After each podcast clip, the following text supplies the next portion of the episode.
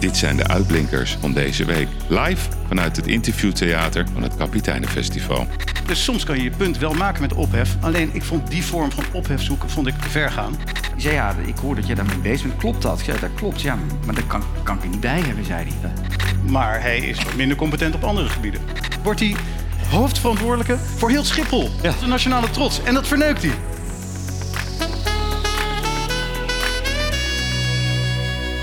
Lieve luisteraars, beste kapiteinen, welkom bij een nieuwe aflevering van De Uitblinkers.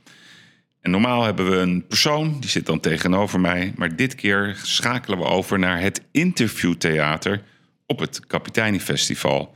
En in het interviewtheater hadden we een hele serie aan prachtige debatten.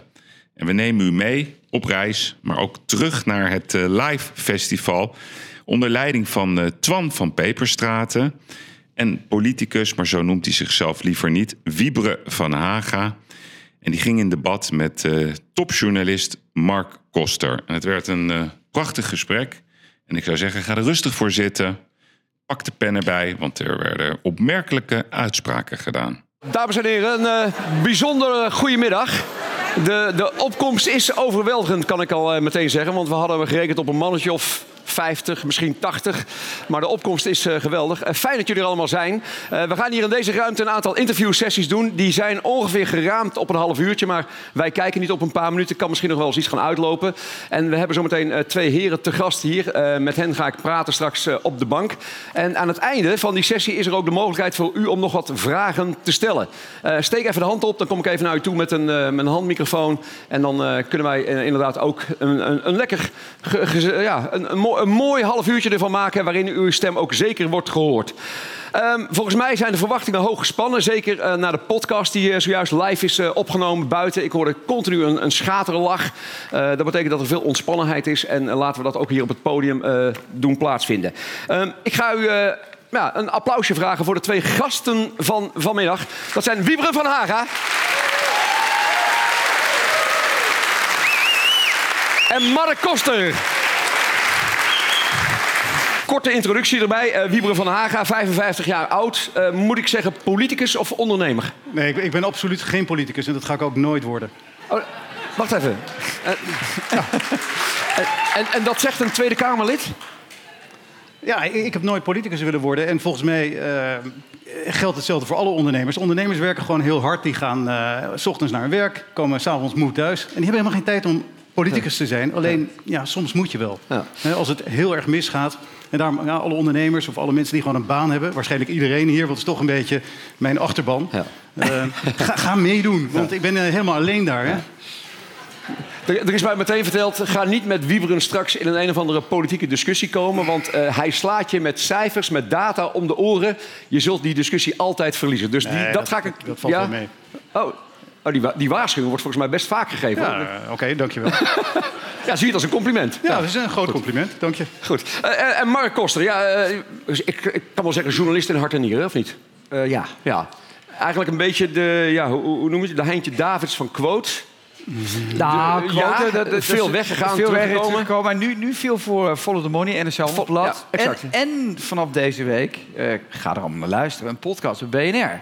Ja. Eh, met eh, bre- breaking news, waar volgens mij de man die naast me zit Kamervragen over heeft gesteld. Absoluut. Goed gedaan. Hele, hele Dus, slimme- eh, Ja, daar ga- daar gaan we het zo meteen zeker ook over hebben.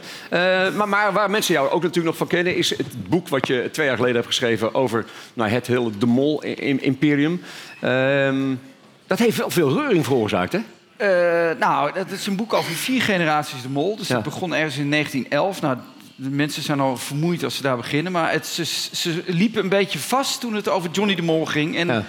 het gevecht met Ja. zijn eh, ex-vriendin. En dat heeft veel reuring eh, veroorzaakt. En daar eh, praten mensen wel over. En toen heeft de hele familie heel snel de handen ervan afgetrokken. En, ja, ja, ja, ja. Hadden ze ook anders kunnen doen, denk ik zelf. Maar dan moet je mij toch eens vertellen, want dan heb je een boek geschreven over de mol... en dan komt er daarna een boek over Peter Gillers. Ja, maar dat is nou een soort... Ja. Dat, dat- Ja. Kijk, bij, bij John de Mol was het, eh, waren alle deuren dicht. Met Ja. Peter Gillis gingen alle deuren open. Dus nog, hij zette ze open, denk ik. Ja, hij zette ze open. Hij- Wat mij betreft te ver soms. Ja, want hij is de brutale Dus- ondernemer. dus ik, Eh, ik ieder- heb daaraan zelfcensuur moeten doen. Wat, wat je daar allemaal hoorde, dat, oh, hoe vaak die vreemd ging... en wat, met, met welke vrouwen die waar wat had gedaan... dat heb ik soms echt zelf gecensureerd. Want het, het, het liep de spuigaten uit. Massa is kassa.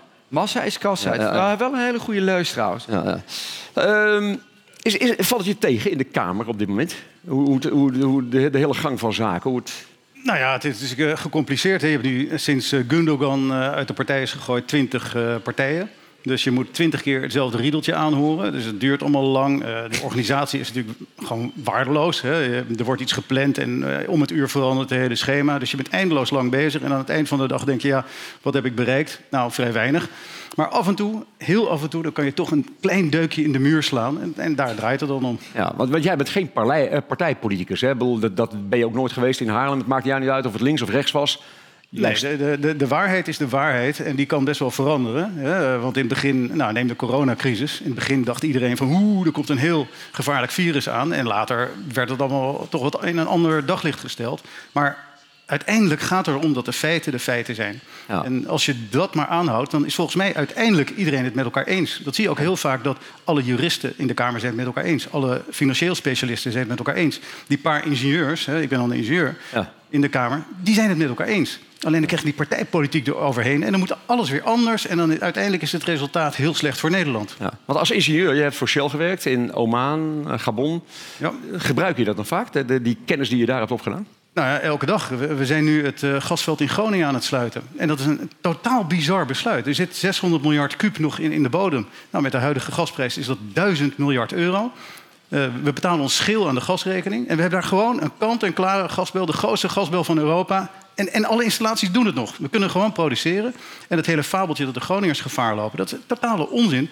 Als, als ze in Japan eh, flatgebouwen kunnen bouwen tot een kracht 6 op de schaal van Richter, dan kunnen we dat hier natuurlijk ook doen. En als je iedere Ja. Groninger 100.000 euro op zijn rekening geeft en, en een aardbevingsbestendig huis, hè, je moet die Groningers natuurlijk wel fatsoenlijk behandelen, dat hebben we nooit gedaan, dan ben je 8 miljard euro kwijt, heb je 1000 miljard verdiend en dat geven we dan aan ons. En dan zijn we helemaal eh, happy. Dat, dat, dat...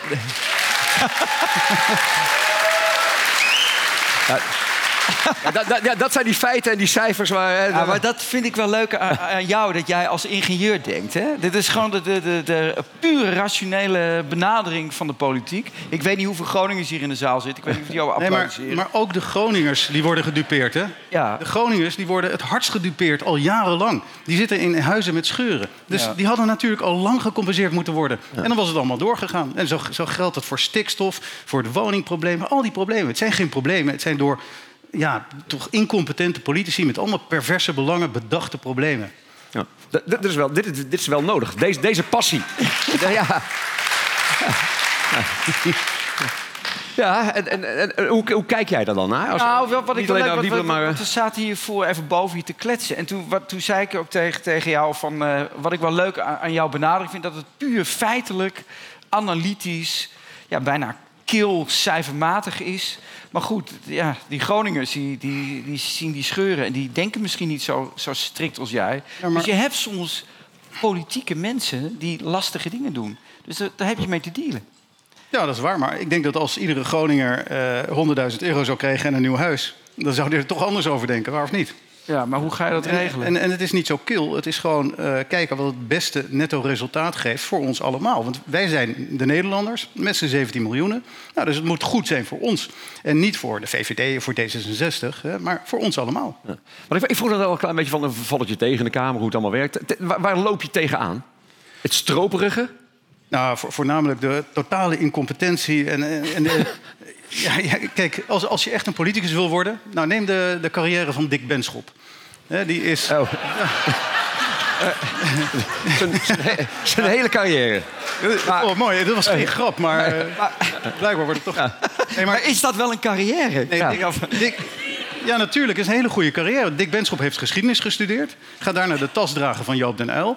Wordt beloond met een staatssecretariaat in het kabinet Kok. Vervolgens wordt hij bij Shell als soort politieke kopstuk ingehuurd. En daarna, omdat hij nog nooit iets heeft gekund... wordt hij hoofdverantwoordelijke voor heel Schiphol. Ja. Dat is een nationale trots. En dat verneukt hij.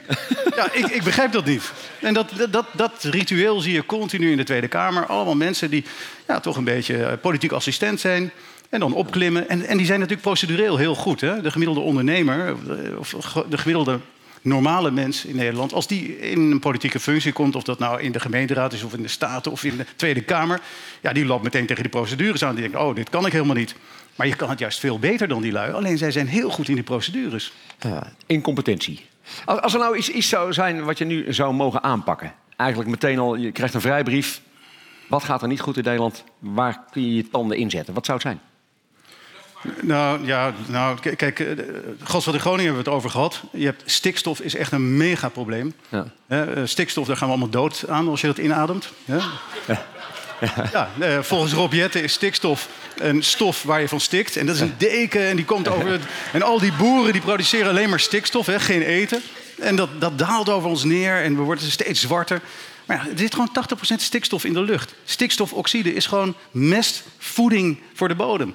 Alleen, we hebben iets heel stoms gedaan. We hebben 25 jaar geleden tegen de EU gezegd... nou, onze Natura 2000-gebieden die zijn voor de eeuwigheid zijn die hetzelfde. En bij ons is dat, in tegenstelling tot Frankrijk en Duitsland... is dat niet bos, want bos, bos is gewoon een eindsituatie... is dat eh, heide en zandvlaktes. We gaan voor de rest van de tijd gaan we het heide en zandvlakte houden. Dus als daar stikstofdepositie op, op plaatsvindt...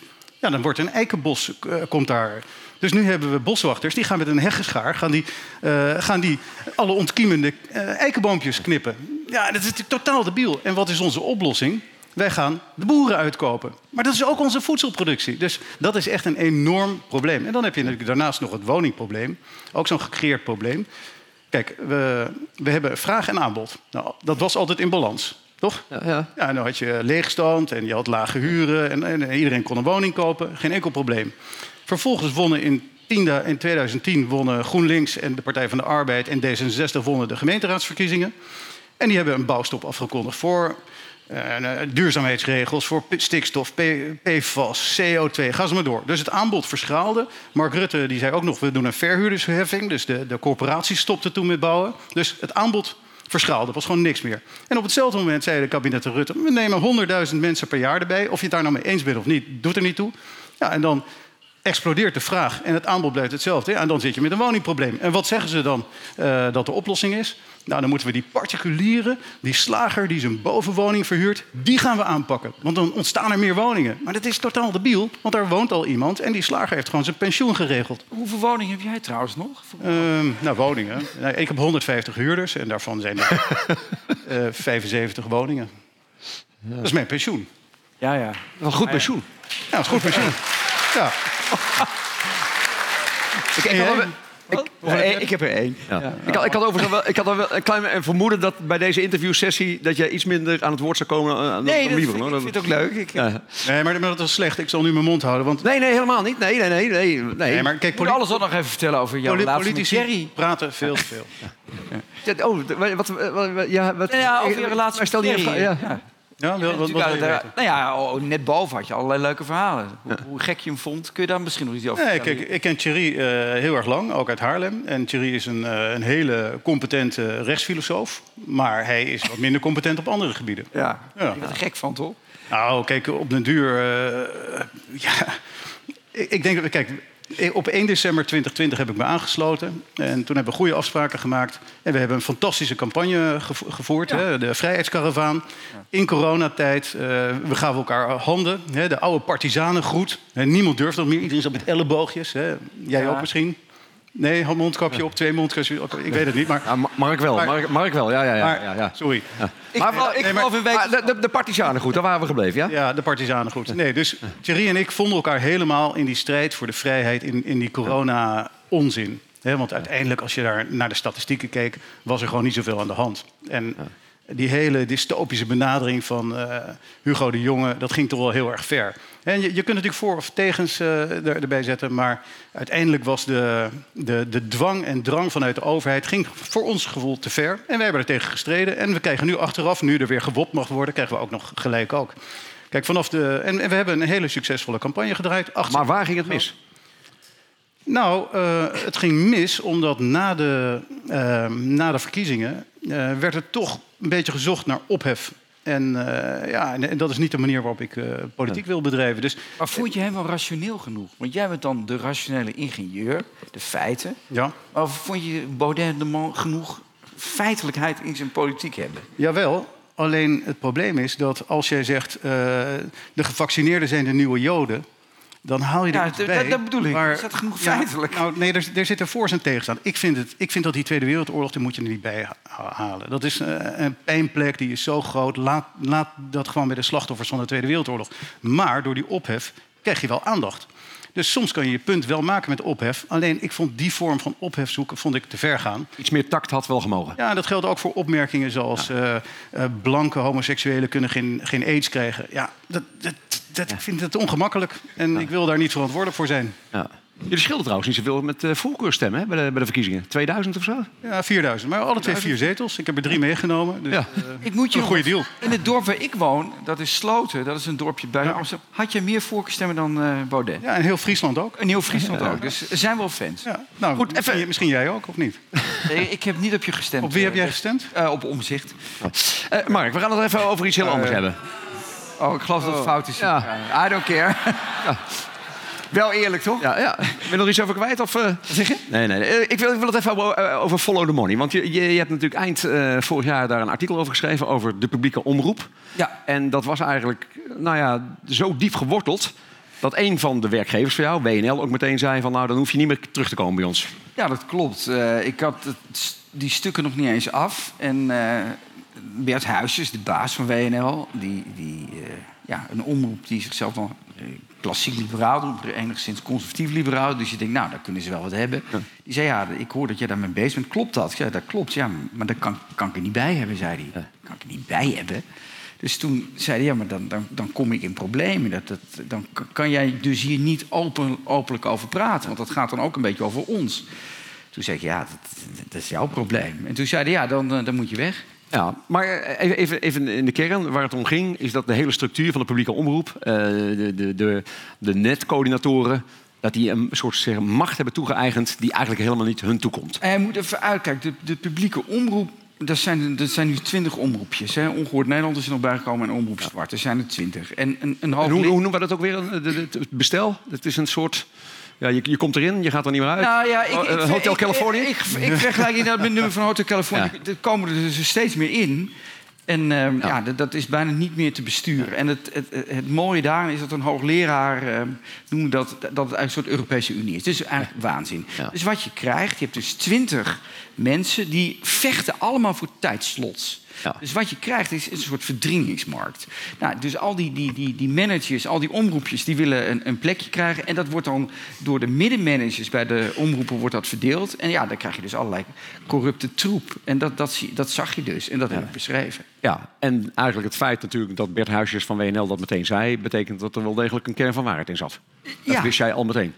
Het, het klopt. Nou, ik, ik, ik, ik kon het gewoon niet geloven. Ja. En het rare is dat ik toen Shula Rijksman, de bazin van de publieke omroep, aan de lijn heb gehaald. Ja, en die zei, ja, van mij had je niet weggehoeven. Wat ook een hele rare opmerking is. Alsof ze er überhaupt over gaat. Ja. Weet je, van de, nee, voor mij mag je blijven leven. Ik wat, wat een heel raar mens. Ja. Maar ben, ben je nu bezig met een soort revanche? Nee, ik ben totaal niet bezig met een soort revanche. Ik ben een beetje van Hagen-achtig in de zaak, laten feiten hun werk doen. Maar het rare is, er komen allerlei krachten vrij. En, en allerlei, eh, ja, heel veel... anoniem- Ik heb nog nooit zoveel mensen angstig anonieme verklaringen horen afleggen. Dat is niet normaal. Dus je denkt, van, het gaat over gewoon de omroep. Hè. Het gaat over spelletjesprogramma's. Heeft wel een paar goede dingen, Nieuwsuur, het journaal en zo. Maar het gaat over ongelooflijk infantiele troep. En dan maken mensen zich zo verschrikkelijk druk Maar- af. maar- maar ze- Ik vind het ongekend dat ons belastinggeld dus naar de publieke omroep gaat. Gaat bijna een miljard naartoe. Zou je dat, helemaal willen stoppen? Geen geld nou, naar de NPO? of, of je zou dus voor, ja, voor het soort BBC-model moeten gaan. En dan doen we de, de, hè, dan hebben we eh, mening A in een programma en mening B in een programma. Hè, wat mij betreft Wilders versus GroenLinks in het programma. En nog een, een middenstem. Zoals bij Ongehoord Nieuws. Nou ja, ongehoord nieuws zou dan... dan zouden dus mensen van ongehoord Nederland... ook in, in, het, in dat bestel zitten. Maar ik vind dat iedereen zijn eigen hoekje heeft... waarin hij zit te vreubelen. Ja, ik vind het helemaal niks. Ik vind het helemaal niks. Ja, maar misschien is het ook leuk dat je heel, heel even in 30 seconden vertelt... dat verhaal over Shula Rijksman. Want ik ben echt, ik ben me echt rot geschrokken. Ook die klokkenluiders. eh. De klokkenluid. Nou, het is zo dat Shula Rijksman... Die, eh, ja, die heeft een innige relatie met de eh, secretaris-generaal. Twee vrouwen die op vrouwen vallen. Uh, nou, dat zijn we bij de Follow the Money achtergekomen. En een van, de, een van de klokkenluiders, er is een klokkenluider geweest... die, die eigenlijk dit bestel heeft beschreven, de rot hierin. Die, die, die meldt zich bij, het, bij, bij minister Arie Slop. En Arie Slop zegt, nou ja, dan, dan moet je naar deze secretaris-generaal gaan. Maar deze secretaris-generaal, die blijkt ja, nee, dus een ongelooflijk goede vriend. Maar er was, er was, gegarandeerd dat zij de klokkenluidersbehandeling zou krijgen. En dat is door twee Kamerleden is dat aangedragen. Van joh, ga dan de klok luiden, ga dan uh, klikken. Maar dat moet je dan doen bij deze secretaris-generaal. Die een innige band had met mevrouw Rijksman. op dat moment. nou, sterker nog, uh, uh, dat heeft deze secretaris-generaal niet verteld nee. aan de klokkenluider. En wij hebben die klokkenluider bij BNR daarmee geconfronteerd. En die was totaal ontdaan. Die zei, wacht even, ik kom dus met een verhaal over de NPO. Onder meer ja. over de, ja, Sula Rijksman en, en, en... Bij haar eigen vriend. En, en, Frans, en Frans Klein, wat daar allemaal mis is. En die vriendin vertelt niet dat zijn vriendin is. Ja, ik vind dat echt ongekend. Ja, de, ik, dat, ik, snap niet dat dat in nee. dit land kan. Ja, maar dit is toch gewoon, gewoon totale systeemcorruptie. Maar daar, maar daar komen we dus juist ook met een linkje uh, naar elkaar toe. Want nu ligt er een taak eigenlijk voor nou ja, de politiek. Wieberen heeft, uh, voor mij heb jij 27 vragen gesteld. Nou ja, ik als laat me graag misbruiken als er dit soort dossiers uh, op tafel komen. En, en uh, ja, ik, ik, word heel veel geïnformeerd door verschillende mensen zoals jij en Ton F. van Dijk. En, uh, en, en die, die, komen met, met dossiers. Ja, en als er dan goede vragen ja, en, worden, en, worden wat, ik, wat ik er nog wel over wil zeggen... het is een beetje van uh, Karskens en jij ook... en Baudet ook en Wilders ook. Die dat wordt altijd een beetje gezien... de kritiek op de NPO wordt altijd afgedaan als een soort rechts, extreem rechts. Dat vind ik totale onzin. Ja. Het gaat om de zuiverheid van het systeem. En ik zou hopen dat ook nou, linkse partijen, het CDA, om zich heeft ook vragen gesteld, dat die zich een keer de vraag stellen: wat voor systeem houden wij hier nou in stand?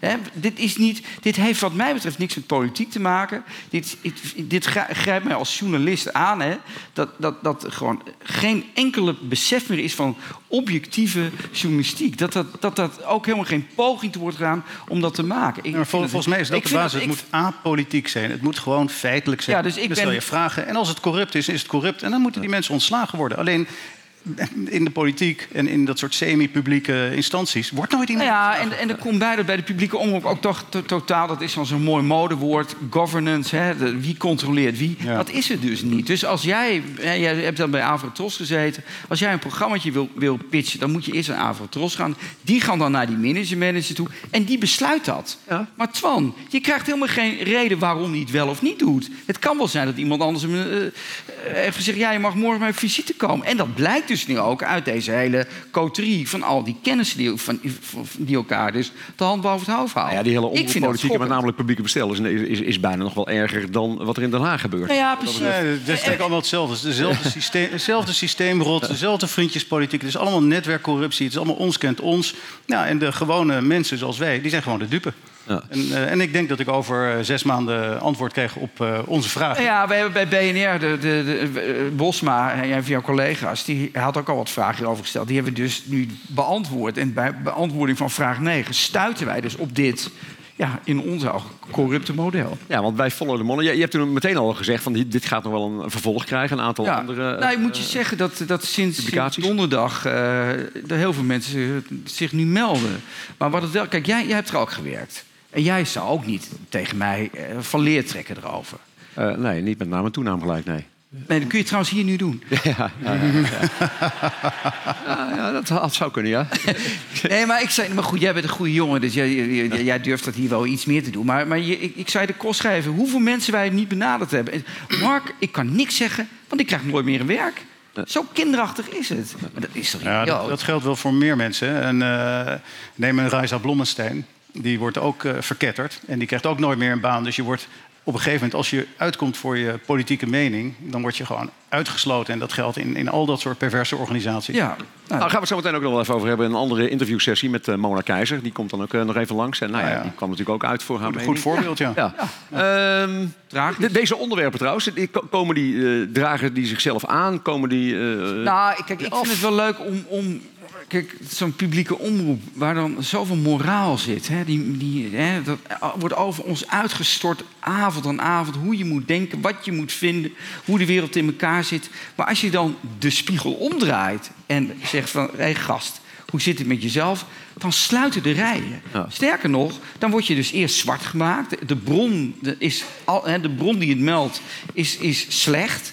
Ja, en dat is toch heel opmerkelijk. Je zou toch denken dat de publieke omroep open staat, ook naar kritiek. Nee, maar dit en dat, toch- dat dit vind toch- ik, vind ik, dit vind ik zelf bijzonder. Het resultaat van een hele lange, laten we zeggen, twintig jaar lange eh, mars door de instituties. Van eh, al die collectivistische, marxistische partijtjes zoals Ah, dat- ik weet D66. niet of dat wel marxistisch en die hebben, die hebben dat, dat soort eh, organisaties gewoon overgenomen. En die hebben nu het patent op het fatsoen. En, en dat Ja. lijkt heel ja, dat- moralistisch. dat is goed wat je maar, maar het is het niet. Dat het is, is- gewoon hun eigen politieke voorkeur. En daarom kan je het NOS-journaal niet meer bekijken. Want het is gewoon het D66-journaal. En dat, Ja, dat, of dat is helemaal zo is. Wat, wat mij opvalt is dat, dat, het, dat ook de middelmatigheid van die mensen daar... Dat zitten daar nou de, echt de beste mensen? Dat is vraag één. En twee, die zitten natuurlijk in dat middenmanagement. En dat is natuurlijk de terreur van dit land. Dat de middenmanagers, die bepalen dan wat de maker... Hè, gekken zoals ik, die willen dan een mooie documentaire maken... of wat dan ook. Ja, nou, dat weet ik allemaal niet. Nee, want een ander vriendje heeft het beter geplucht. Dus wat je ziet, is, of dat nou helemaal marxistisch is, dat weet ik niet. Het is ook gewoon carrière-tijgertjes. Nou, er- zit wel Met een middelmatige talenten die ons land een beetje in greep ik, houden. ik ben het wel met je eens, maar er zit ook een soort woke onderstroom bij. En dat is gewoon een politieke stroming. Eh, hè, We zijn een omslag aan het maken naar het collectivisme. Dat wi- wil zeggen dat jou- jouw individuele vrijheid wordt minder. En we moeten voor het collectief alles gaan opgeven. Dus je gaat niet meer over je eigen kinderen, je baan en je, je, vrouw of je man. Nee, de staat gaat over alles. En dat collectivistische syndroom, dat zit nu bij de NPO, dat zit eh, in de scholen, dat zit overal. En dat zie je ook in de Tweede Kamer heel eh, du- duidelijk terugkomen. Al die oude communisten, marxisten, die hebben ze hernoemd. En die heten nu allemaal mooie dingen, zoals groen, links. En Ja, ik ben ook heel blij dat het woord woke is gevallen hier op dit podium nu. mooi. Dus eh, Nou, hier allemaal witte Ja, ja. mannen. Hè? eh, ja. Hence the argument, zou ik zeggen. Nou ja, ik, ik ben wel een kabouter. Dat eh, is wel heel divers. Eh, waar, waar, eh, ga je binnenkort mee bezighouden? Ben je al met een boek bezig? Ben je met een volgende Follow the Money bezig? Ja, ik ben met een nieuw boek bezig over, eh, nou ja, ik wil die wel zeggen, eh, laten we zeggen over de Belgische John de Mol. Van Tillo? Eh, dat is, eh, zijn naam is Christian van Tillo. Eh, ja, toch de man die... eh, Gaat dat net zoveel reuring veroorzaken? Heeft hij ook kinderen die iets hebben uitgevreten? Die, die, dat, ze heeft een dochter, die is een jaar of 18 en die studeert op een Amerikaanse universiteit. Ik weet niet, eh, dat is een meisje. Ja, het kan voor de boekpromotie goed zijn hoor, als Ja. eh, Ja, boek, dat is altijd goed, ja. Dus je hoopt op een relletje. Wat, wat ligt er bovenaan jouw stapel op dit moment, Wieberen? Ja, stikstof, wonen, eh, gasdossier, maar ook de eh uithuisplaatsingen van, eh, van kinderen. Eh, in die toeslagenaffaire die door Rens Geleijten en Pieter Omzicht en Farid Asserkan echt fenomenaal, fenomenaal is opgepakt. Daar zit er nog een spin-off eh, aan. En dat, eh, dat zit erin dat bij, ik geloof, 1650 kinderen. eh, die, die zijn uit huis geplaatst. Echt, echt gewoon soms s'nachts uit een bedje gelicht en met een teddybeer en een pyjama door de politie weggetrokken. Alleen maar omdat die mensen geen geld meer hadden. Want er waren beslagleggingen geweest omdat er een frauderend bureau was waar ze een kinderopvang regelden. Maar die waren dus ten onrechte waar die in die problemen gekomen. En daardoor zijn ze hun kinderen kwijtgeraakt. Ik heb met talloze moeders gesproken. En die hebben soms al vijf jaar hun kind niet meer gezien. En die hele jeugdzorg is toch een soort... Ja, er zit een bepaalde perverse prikkel in kinderen uit, uit huis te halen. En zeker als dat ten onrechte gebeurt, is het echt weerzinwekkend. Ik geloof dat er in Nederland 90.000 kinderen uit huis geplaatst zijn in totaal. Natuurlijk zijn er soms situaties waarbij dat terecht is. Maar als dat ten onrechte gebeurt door de staat... Hè, doordat de staat een systeempje heeft gecreëerd... waarbij eh, ja, pleeggezinnen soms... Nou, het begint bij 600 euro per kind... maar soms tot 40.000 euro per kind per jaar kunnen krijgen... dan is daar een soort businessmodel om die kinderen uit huis te plaatsen. Nou, daar, daar ga ik wel een punt van maken. Want ik vind dat echt... Ik heb zelf vier kinderen. Ik vind het echt walgelijk. Het, het, het- ja.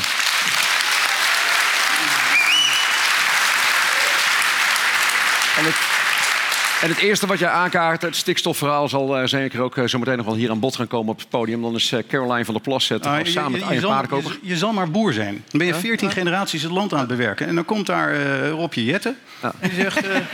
ja, weet je, we gaan jou uitkopen. En dan gaan wij, wij met z'n allen 25 miljard betalen. Hè, dat is onze spaarpotten, die, zijn dat, die worden geleegd. Wij gaan meer belasting betalen voor. 25 miljard om die boeren die ons voedsel produceren... om die uit te kopen voor een niet bestaand stikstofprobleem. Het is echt, echt van de zotte. Het woord is aan jullie. Heeft eh, iemand van jullie vragen voor Wieberen, voor Mark? Is er iemand die eh, even... eh, ja, nou weet je wat, we doen het even snel. Zo, tjak, tjak. Uh, Wieberen, vorige week ehm, eh, heeft Vera, de voorzitter, gewoon ehm, niet ingegrepen toen Martin Bosma door Sjoerd Sjoerdsma uh, voor extreem rechts werd uitgemaakt. nou ja, het is niet het eerste voorbeeld van haar slechte voorzitterschap. Denk je dat daar wat aan gedaan kan worden? Dat we misschien wel een fatsoenlijke voorzitter voor de groep kunnen krijgen? Um, ja, ik vind, ik vind het lastig. Want ik vind eigenlijk Vera een, uh, een stuk betere voorzitter dan Khadija Arif was. Want die greep altijd heel streng in als ik wat zei. En, uh, ja. en, uh, en, Vera is, nou, is gewoon een hele, hele lieve, aardige vrouw. Um, maar ik vind eigenlijk dat je alles moet kunnen zeggen. Het, het, probleem is alleen dat wij aan de rechterkant niks meer kunnen zeggen. En dat links alles mag zeggen. Dus zo'n Sjoerd Wiemer Sjoerdsma die continu het patent op het fatsoen eh, claimt. En ja, die, die maakt dan hele nare, verstrekkende opmerkingen... die echt best wel grote gevolgen hebben. Want je, je inbox die explodeert meteen en iedereen wil je doodmaken... en je kinderen naar de gaskamer. Eh, eh, dus, dus het gaat best wel ver. Maar ik vind principieel dat iedereen alles moet kunnen zeggen. Dus Sjoerd Wiemer, Sjoerdsma mag zijn walgelijke uh, gal spuien. Dat vind ik prima. Laat maar, gaan, joh. Nou, nee, want... Maar waar, het, het, het ook laten gaan, toch? Nou, ik denk dat Martin Bosma heeft daar helemaal niks van. Die, die staat daar en die staat daar helemaal boven. Dus het, het boeit niet. Maar de, de anomalie in het systeem zit erin dat er wel wordt ingegrepen als, uh, als, als rechts iets zegt, maar als links iets zegt, dan niet. En daar maak je een terecht punt. Maar ik zou ervoor zijn om alles gewoon toe te laten. Ik, ik, eh, ik kijk graag naar de Engelse lagerhuisdebatten. Laat elkaar maar in de, in de haren eh, vliegen. Churchill zei, ah, I think the honorable lady is, is completely drunk. Nou, prima. Eh, scheld elkaar maar uit. Doe maar. Ja. En laat iedereen maar kijken. En, en laat de waarheid maar daar uh, geëtaleerd worden. En dan stemmen we. En dan stemmen we al die rotzooi weg. Churchill, de man die ooit zei... de beste champagne is koud, droog en bovenal gratis. Um, nog meer vragen? Mevrouw. Ik heb een vraag voor Mark. Ik uh, geniet van de podcast die op BNR is. Die je samen doet met Ton. Wat verbaast mij ook een beetje dat uh, BNR ja, die kant op gaat. Zou je daar wat uh, meer over willen vertellen? Nou ja, BNR, kijk, eh, dat is een ongelooflijk goede, keurige nieuwszender... die uh, beursberichten tot ons brengt. Wat zit je nou te grinniken? Nee, ik ben het helemaal met je eens. Nee, wiens brood men eet. nou ja, ik moet toch ergens werken. nee, maar... Maar ja, kijk, het, ik, ik, geef wel toe, en dat is een goede vraag van je, want ik heb voor mij net in je oor gefluisterd. Um, dat, um, dat, ja, dat zij dat natuurlijk ook moeilijk vinden. Kijk, en dat zie je wel bij media. Media zijn natuurlijk ook gewoon producten geworden. En die moeten ook leven van adverteerders. En die moeten ook leven van mensen, stakeholders, commissariaten, et cetera. Mensen, toezichthouders. Dus wat je steeds meer ziet, en dat vind ik als mediamaker best lastig, dat mainstream media zijn niet zozeer links en communistisch, zoals jij altijd betoogt, maar zijn een beetje banger om misschien wel hun, hun geld en hun, en hun status te verliezen. En dat vind ik een veel groter probleem. En dat zie je dus ook dat er dus nu nieuwe media omkomen. En dat zie je bijvoorbeeld bij de Juice Channels. Ik ben een groot fan van Yvonne Kolderweijer. Niet om wat ze brengt, maar om hoe ze zich positioneert. Nou, dat zie je dus ook in dat zal in de financiële journalistiek gaan ontstaan. En dat zie je ook hier bij de kapiteinen. dat zijn dus een nieuwe stroming. ik, volgens mij hier mensen die wat meer ondernemend zijn, die wat meer denken zoals jij. Dus er komen allerlei nieuwe takjes, omdat in de mainstream media dat soms niet zo hard meer gezegd kan worden, omdat daar angsten zitten. Maar Dus antwoord op je vraag, want dat, dat wil je natuurlijk. En dat, nou ja, ze vinden dat natuurlijk lastig, maar ik waardeer het enorm de heer die mij voedt, dat ze dat toch aandurven met, met mij en ook Ton en Van Dijk. Die we, ja, dat is ook een loose kennen, een ongelooflijk stabiele man. Maar als je die tegen je hebt, kijk, ik ben lastig, maar Van Dijk is nog veel lastiger. die houdt niet op. Ik ken Ton heel goed. En ja, dat is een, die, die, kijk, ik ben een pitbull en dan zeg je, denk, nou, daar heb ik een nieuw been waar ik in kan hangen. Maar, maar Ton niet, hè? Nee, ton laat nooit die los. Die vreet het hele been weg. Exact. Dus dat, dat, ja, dus ik zou maar, als ik Sjoele Rijksman was of de NPO, zou ik maar heel gauw antwoord geven op die vragen. Want deze man stopt niet. Nee, nee dat gelukkig, gelukkig maar. Maar er zouden meer journalisten moeten zijn, zoals jij en Tom. Ja. Uh, want, want dan ja, zou... het, zit, is, het is karakterologisch. Je hebt ook journalisten die vinden het gewoon lekker om naar hun werk te gaan. En die zijn eindredacteur. En die gaan zo'n stukje even goed zetten. En het is half zes. Ja, ik zeg het even lullig. Ja. No, no, point intended. En die gaan dan gewoon naar... naar ja, met heel veel, heel veel uh, politiek correcte zelfcensuur. Maar ja, ja, jij zegt dat. Nou, Ja, ja, maar het anders wat ik in- jou zou willen vragen. Ja. Wat vind jij nou van de censuur op Twitter en Facebook en, eh, en LinkedIn? Ik, ik word van al die eh, platforms afgegooid omdat ik zeg... nou, eh, uit dit onderzoek blijkt dat mondkapjes niet werken. En dan zeggen ze, oh, dat, vind ik idioot. Ik Idioot, vind, dat, ik vind idioot dat jij eraf gegooid Nou, wordt. je. Zeker dat jij eraf gegooid wordt. Ja. Als De man van de ratio. Kijk, als daar alleen maar racistische drek of antisemitische idiotieën zijn... dan vind ik dat je het eraf mag Maar vind je niet dat de grens gewoon daar moet liggen waar je eh, het strafrecht betreedt? Dat, ik, En dat je verder alles moet kunnen zeggen? klassieke liberalen als we zijn, zijn ben, kan ik het niet anders dan met je eens zijn. vriend. Dankjewel.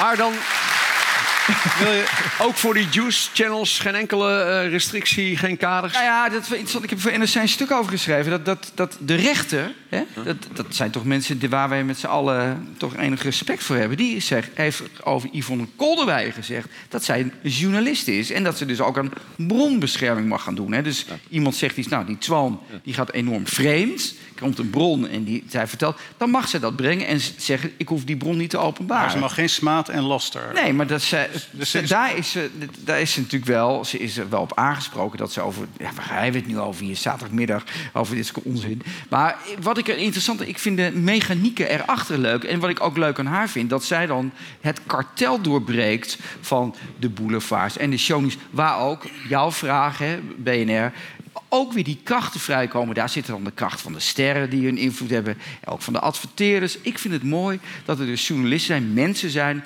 publiek maken. Ik vind dit ook mooi wat Yves hier doet en Erik de Vlieger doen. Vind ik ook mooi. Dat zijn mensen die tegen die de mainstream ingaan. En dat vind ik mooi. Pas op trouwens met cola en de microfoon, dan ga je van smekken. Maar goed. eh, eh, nog meer vragen? Dat is een rustige zaal. Kijk, mevrouw. Ik ga eerst even naar de dame eh, net, net naast u. Die had eh, net iets eerder eh, de vinger omhoog. Aan Mark wilde ik de vraag stellen. Ehm, de publieke omroep, Ja. daar heeft u het zojuist over. Wat is het draagvlak? Hoeveel leden heeft, hoeveel Nederlanders zijn überhaupt nog lid van de publieke omroep? En, en hoe verhoudt zich dat in de macht die zij hebben? ja, over het ja, verspreiden van het nieuws. Het, Ja. het eerlijke Nieuws. Oké, lid van de publieke omroep, dat zijn we allemaal. Want wij betalen daar belasting aan. Dat is heel simpel. Dat is gewoon, eh, als je belasting betaalt, mag je stemmen. En dan heb je daar dus iets op te zeggen. Dat is één. Dus u bent ook lid van de publieke omroep. Maar ik denk dat je vraag erop gebaseerd is... hoeveel mensen zijn er nog lid van een omroepvereniging? Dat is heel wat anders. Dat zijn er niet zo heel veel. Wat je dus nu hebt gezien bij Omroep Zwart en Ongehoord... is dat er, als je een goede campagne voert en je hebt 50.000 leden... dus als Yves en Erik even goed hun best doen... kunnen ze ook de kapiteinenomroep gaan starten. Hè? Dat, ja, dat kan. Maar dan zal ik meteen mijn mening hierover geven. Daar ben ik enorm tegen. Waarom? Niet om jullie, maar het wordt één grote teringzooi dan. Dus dan heb ik veel liever dat Erik en Yves en Wieberen af en toe aanschuiven in een talkshow bij de publieke omroep. En jullie keihard je mening geven tegen iemand anders. Daar heb ik meer aan als, als neutrale kijker, die misschien wel meer, wat meer in het midden zit, dan dat iedereen in zijn eigen hoekje zit Ja, te maar, vreubelen. maar Mark, dat gebeurt dus niet. Dat vind ik ook slecht. Ik zeg ook niet dat dat goed is. Ik zeg alleen dat, dat dat systeem niet houdbaar meer is. Dit systeem is ten dode opgeschreven. Dus vind ik dat de publieke omroep zich meer rekenschap moet geven van, laten we zeggen, de buitenspelers, laat ik het zo maar zeggen, dat die dus ook een, een, een goede stem krijgen in dat bestel. Ja, daar ben ik het mee eens. Alleen op dit moment eh, faalt dit systeem. En zie je, elke avond zie je dezelfde koppen op de televisie. Ja. En die geven dezelfde mening. En dan heb je vier corona-adepten naast elkaar zitten. En de een wil nog hardere maatregelen, en de ander nog hardere maatregelen. De een wil drie Nou ja, maanden- wat ik, wat ik heel ernstig vind, dat zit er bij de Volkskrant. Hè? De, de hoofdredacteur daar, die heeft eh, zelf gezegd... wij gaan niet al te kritisch berichten over corona. Want ja, dat is een gevaar. Dan denk ik, ja, dat is wel idioot. Dat de Volkskrant, een krant wat dan voor wat hoger opgeleide is... ik zou zeggen, die kunnen wel tegen een stootje. Nu moet Dus ik wel zeggen die- dat de Volkskrant eh, weer in mijn achting is gestegen... nadat eh, Frank Hendricks die sms'jes-gate heeft eh, blootgelegd. Ja. Dat is toch wel brisant. Dat is brisant, maar in, in, in aanleg hebben ze gezegd... wij gaan niet te veel kritiek publiceren. Nee, dat was ook heel vind- slecht. Dat vind ik heel slecht. Maar dat, he- Dus- dat heeft driekwart van Nederland gedaan. Iedereen steunde dat. Ja, eh, Ja. En, en iedereen ging mee in die angstpsychose. En ja, het, eh, het resultaat is 300 miljard schade en 80 miljard eh, steun voor eh, de ondernemers en 200.000 ondernemingen die nu nog op de fles gaan en onder water staan. En heel veel NOW-geld wat al dreigt weg te, weg te Ja, dat moet terugbetaald wat, wat, wat, wat terugbetaald en wat ook kwijt is. Dus Ja. dat betalen we met z'n allen. En een getraumatiseerde generatie van kinderen die twee jaar achter hun We laptop... zijn een beetje muppets, vind je niet? Behalve dat, dat, dat, en Stettler. Nou, laten we een beetje positief eindigen. Waldorf en Stettler, heel goed. Van de ene vraag gaat het overal heen. Eh, u had ook nog een vraag, hè? Ja, ik had een vraag over het stikstofprobleem. Ehm, Hou hem ook, ook vast voor Caroline van der Plos, hè, zometeen. ja, maar ja, dat kan twee keer. Ah, dat kan twee keer. Ehm, we hebben in Nederland eh, 165 eh, Natura 2000 gebiedjes. Want gebieden hebben we volgens mij in Nederland niet. Want het is volgens mij één grote tuin. Precies. Maar in hoeverre ehm, kan Nederland daar nog onderuit? Want we doen net alsof, eh, ik weet niet welke god het beslist heeft dat zo moet.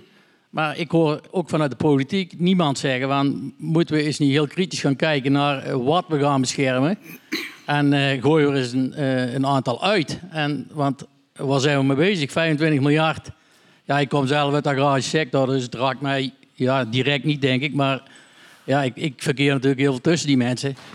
Ze hebben geen idee wat er eh, met deze mensen gebeurt op het moment.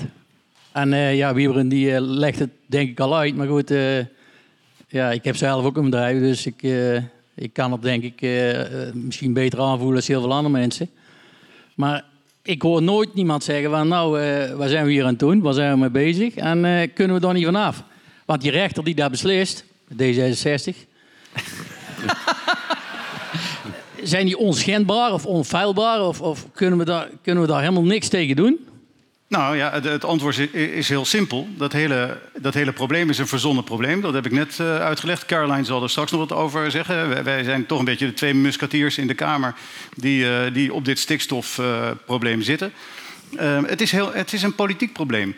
Dus als de politiek wetten maakt of verdragen sluit in Europa, ja, dan moet je eraan houden. Dus dan zal zo'n rechter altijd moeten zeggen: ja, als je zelf hebt beloofd dat je eh, een Natura 2000 gebied eh, niet een eikenbos laat worden, ja, dan moet je er iets doen. En dan moet je bijvoorbeeld boeren gaan uitkopen.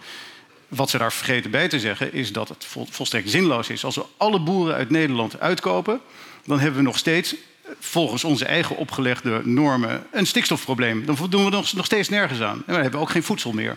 Dus het, het is totaal absurd. Alleen zolang je blijft geloven in die beloftes die we aan Europa hebben gemaakt... en denkt dat wij zelf de macht niet meer hebben in ons eigen land om dat te, beslissen... ja, dan ga je dus de bietenbrug op. En dat zijn we nu aan het doen. We rijden met z'n allen gewoon het ravijn in... en, en, en, we geven er ook nog heel veel geld aan uit. En eh, alle andere landen lachen ons uit. Hè? Want als je dat kaartje van de stikstof eh, tekent in Europa... zijn wij bloedrood en bij de grens, eh, bij Duitsland, stopt het. En eh, België stopt het. Dus het is vo- volledig idioot. Maar het is een politieke keuze en daarom is het belangrijk dat iedereen gaat stemmen. Want als we niet meer stemmen op al die psychotische stikstofpartijen... die denken dat, dat we echt doodgaan als we al die stikstof eh, blijven inademen... Nou, dan, dan, dan verandert dat. Alleen ik had vroeger de hoop dat een partij als de VVD eh, daar wel voor zou staan voor die boeren. Ik dacht dat het CDA een boerenpartij was. Nou, om de een of andere reden, in de laatste vijf jaar zijn zowel de VVD als het CDA zijn omgegaan en dat zijn collectivistische linkse partijen geworden. Ja, en dan, dan heb je een probleem. Want in hun verkiezingsprogramma stond nog wel dat ze voor de boeren waren en voor de ondernemers en tegen eh, meer migratie. Dus ja, we zijn een beetje gefopt, maar we hebben over drie jaar weer verkiezingen. En dan zou ik zeggen, nou, sterker Geen nog- campagne. Nee, nee, nee. We, we hebben in, in maart volgend jaar hebben we de provinciale statenverkiezingen en de Eerste Kamer eh, wordt daaruit gekozen.